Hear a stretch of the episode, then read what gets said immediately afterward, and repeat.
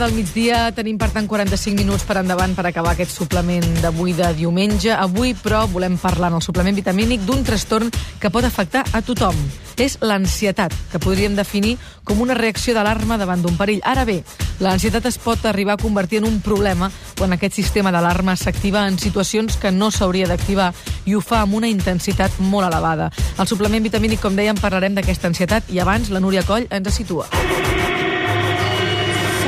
L'àrea de salut mental de l'Organització Mundial de la Salut, l'ansietat creix arreu del món. Es calcula que una de cada 20 persones tindrà en algun moment de la seva vida un atac d'ansietat. Les dones pateixen més ansietat que els homes. Les estadístiques diuen que la proporció és de 2,5 dones per cada home. En una crisi d'ansietat, el primer símptoma fisiològic és la hiperventilació. Aquest desequilibri provoca una sèrie de símptomes com ara la taquicàrdia, l'augment de la pressió arterial, una suor freda, les mans rígides o mareig. Nosaltres ara en parlarem en una miqueta més de profunditat amb la Isabel Larraburu, que és psicòloga clínica i fa 27 anys que tracta amb persones amb ansietat. Bon dia i benvinguda. Bon dia, Carmena. Deixem també que doni un telèfon al 93 201 7474 i un correu electrònic, suplement arroba catradio.cat, per si vosaltres ens voleu explicar les vostres experiències amb l'ansietat. Si heu tingut mai ansietat, si heu tingut un atac, fins i tot d'ansietat, què heu fet per solucionar-ho o com heu aconseguit superar a la llarga la vostra ansietat. 93 201 7474 i a través del correu electrònic suplement arroba catradio.cat. Jo, si et sembla, Isabel, el que començaria és per explicar què és l'ansietat i, i, i com podem identificar-la, quins són els seus símptomes. Tu mateixa. Sí. Eh, bé, l'ansietat és un, és un procés eh, de desencadenament de, de, de sensacions corporals, eh, endocrines eh, i musculars que tothom coneix. En realitat és, forma part del repertori humà. Eh, és com un sistema de defensa de l'organisme davant d'un perill. El que passa és que quan comença a ser eh, un trastorn és quan la persona eh, veu perills o percep perills quan no n'hi han, per exemple, no? o un sistema de falsa alarma. Llavors sí que podem dir que l'alarma aquí és patològica o realment eh, conforma un problema eh, per la persona. No cal que ens imaginem grans situacions. A vegades aquesta, aquesta por és, és les coses més petites, fins i tot, no? Sí, l'ansietat és, eh, fins a un punt és bona perquè t'alerta, t'ajuda a conduir millor, t'ajuda a estar amb els sentits molt, molt desperts. El problema ve quan l'alarma és massa elevada o massa persistent mm, en relació amb el perill existent. Quan no existeix un perill o quan tu t'imagines un perill. Llavors, sí. sí. La base és sempre veure una cosa que no existeix. No, no sempre. De vegades l'ansietat és bona i és adaptativa, com diem nosaltres, els psicòlegs, per defensar-te d'un perill. Si tu, per exemple, estàs amb els eh, sentits desperts i molt alertes, et pots defensar millor si algú està a punt de robar-te el bolso o, o estàs a punt de tenir una pinya a l'autopista. Eh, en aquest moment és eh, adequat i, i bo que ho tinguis. O sigui, aquesta és l'ansietat positiva. Després, eh, l'ansietat més negativa i que fa mal és aquella que, tu, eh, que ve quan tu perceps eh, eh, perills que no existeixen, per exemple, no? o estàs exagerant un perill perquè mm -hmm. estàs percebent malament. L'ansietat es pot manifestar, a més a més, de moltes maneres, suposo. Quins són els trets que podem identificar més fàcilment quan ens estigui passant? L'ansietat desencadena tot tipus de, eh, de símptomes perquè ataca o sigui, en realitat desencadena tots eh, els sistemes de l'organisme. O sigui, pots tenir símptomes de qualsevol tipus. Eh, el que deies abans eh, sobre la hiperventilació, la hiperventilació és un, una descompensació dels gasos, del diòxid de carboni i de l'oxigen, que, que ve de respirar massa eh, de pressa o massa eh, superficialment i fa que comencem a, a, a, a descompensar els gasos. D'aquesta manera, el que passa és que tenim eh, una sensació de mareig, com si anéssim a caure, o formigueig a les mans. Això és, un, això és tenir ansietat o és dir un atac d'ansietat? Un atac d'ansietat és una cosa molt intensa i molt inesperada, sobretot. Un atac d'ansietat també se li diu atac de pànic perquè normalment no veus el desencadenant, no veus perquè estàs, et poses així de malament. I la sensació immediata que té la persona és que s'està morint o que pot tenir un atac de cor Per això, molta gent que té crisi de pànic eh, van a urgències eh, com a primera instància. I és l'actitud correcta, és el que hauríem de fer quan sentim això? Eh, sí, en principi no està mal que abans de que vagin a un psicòleg la persona descarti qualsevol tipus de tipus orgànic, eh, de cor o d'altres coses. I sobretot perquè en un moment concret d'un atac d'ansietat eh, segurament una pastilla relaxant et pot ajudar... Sí. El que passa és que la persona quan comença a tenir més d'una crisi de pànic ja comença a conèixer la sensació, conèixer el seu cos, el seu organisme i sap de què ve l'ansietat i en principi ja comença a relaxar-se només amb el coneixement de que la crisi de pànic no el matarà. Parlem de símptomes que potser els nostres oients reconeguin en ells mateixos o en gent que, amb qui conviuen. Nus a la gola, sensació de son, debilitat, esgotament, sensació d'ofegament, aquella que de tant en tant Sí. has d'agafar aire profundament. La disnea, sí, no? Exacte. Um, Una creus- pressió, pressió al cor... pressió al cor. Sí, sí. I a més, sensació de que, has de, de, de que cauràs. També això és bastant Com freqüent. vertigen?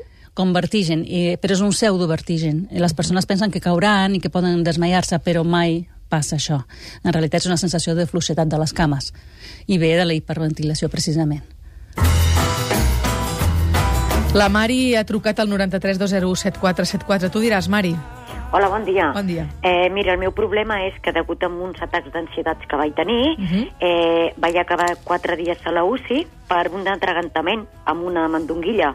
Ostres, sí. o sigui, et d'agafar un atac d'ansietat mentre Sí. t'estaves empassant...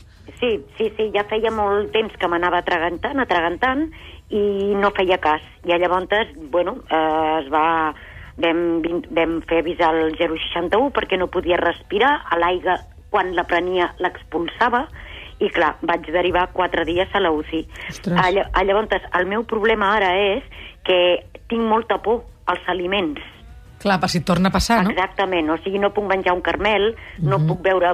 Sobretot, si jo estic sola menjant, ho tolero bastant bé, perquè m'he de concentrar molt per no per, perquè se'm, me'n vagi la por. Clar. Ah, llavors, quan hi ha molta gent, és quan em passa. Clar. Doncs ara t'ho comentarà la Isabel, a veure què diu. Moltes gràcies, Mari. Gràcies a vosaltres. Gràcies. Adéu. Sí, això que explica la Mari és, eh, és una de les fòbies més eh, aparents i que realment en aquest moment jo estic precisament tractant una persona que li va passar el mateix amb una moneda quan era petit i eh, per què és una fòbia? Perquè és un, una experiència que se li queda gravada a la memòria d'una manera molt desagradable i que realment costa molt de, costa molt de superar-la, però es supera. O sigui, en el moment és un aprenentatge de por. No? En realitat, la fòbia és com una por exagerada, una por que no té sentit. Perquè, clar, una vegada que li hagi passat això amb la mandonguilla no vol dir que tots els aliments hi Clar. passarà.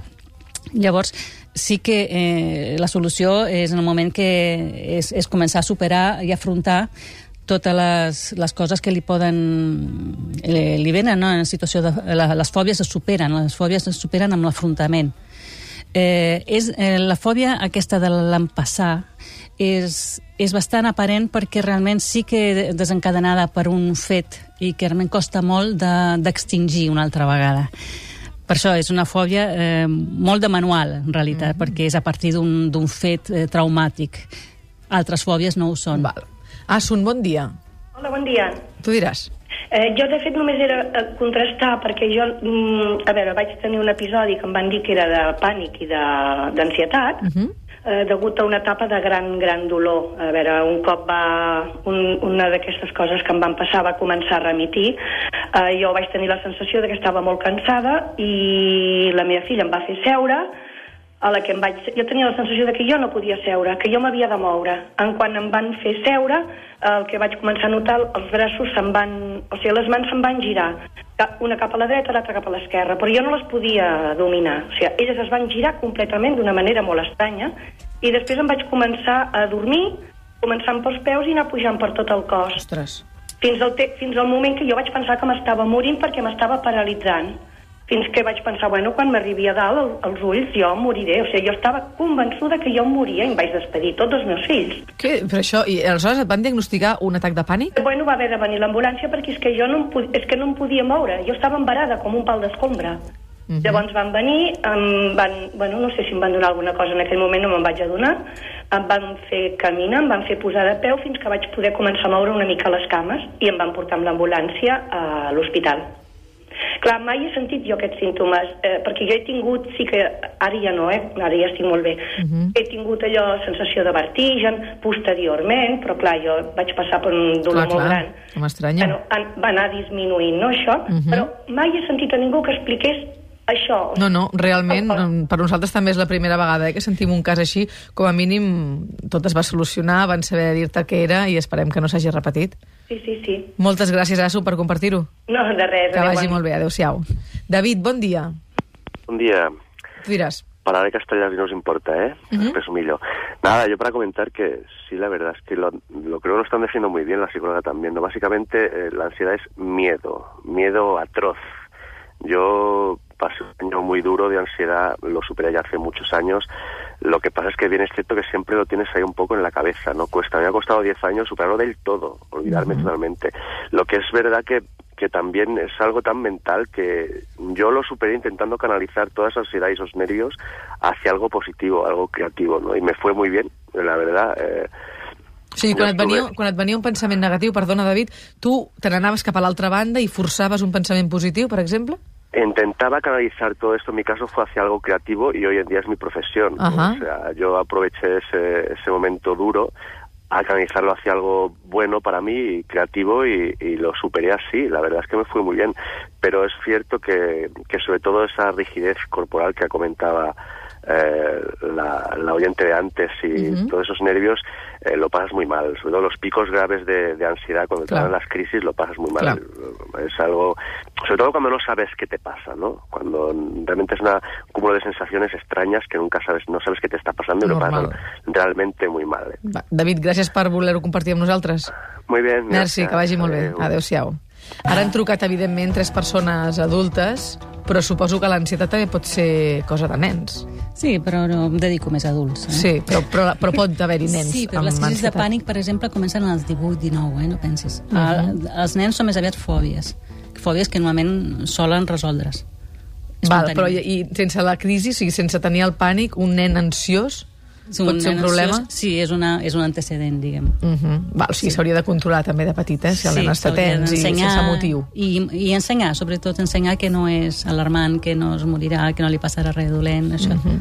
Molt Té, bé. té un component genètic, Sí, l'ansietat? sí, sí, absolutament, sí, sí, sí.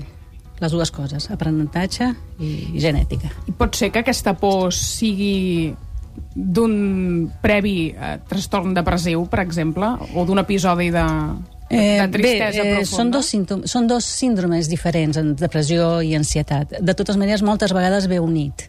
Ara, la depressió no té per què ser un desencadenant de l'ansietat. L'ansietat és un síndrome a part, és, un, és una altra malaltia, diguem que és, eh, pot ser per, eh, de moltes formes, pot ser en forma d'obsessions mentals, pot ser en forma física, com en la crisi de pànic i les crisis d'ansietat, aquestes tan fortes amb sensació de mort, i pot ser en forma de por, que també són, són situacions en què comences a deixar d'anar-hi a llocs o a fer certes situacions perquè per, per por que tinguis una, eh, una crisi d'ansietat. De totes maneres, les fòbies i l'ansietat tenen molt bon pronòstic, vull dir que es curen.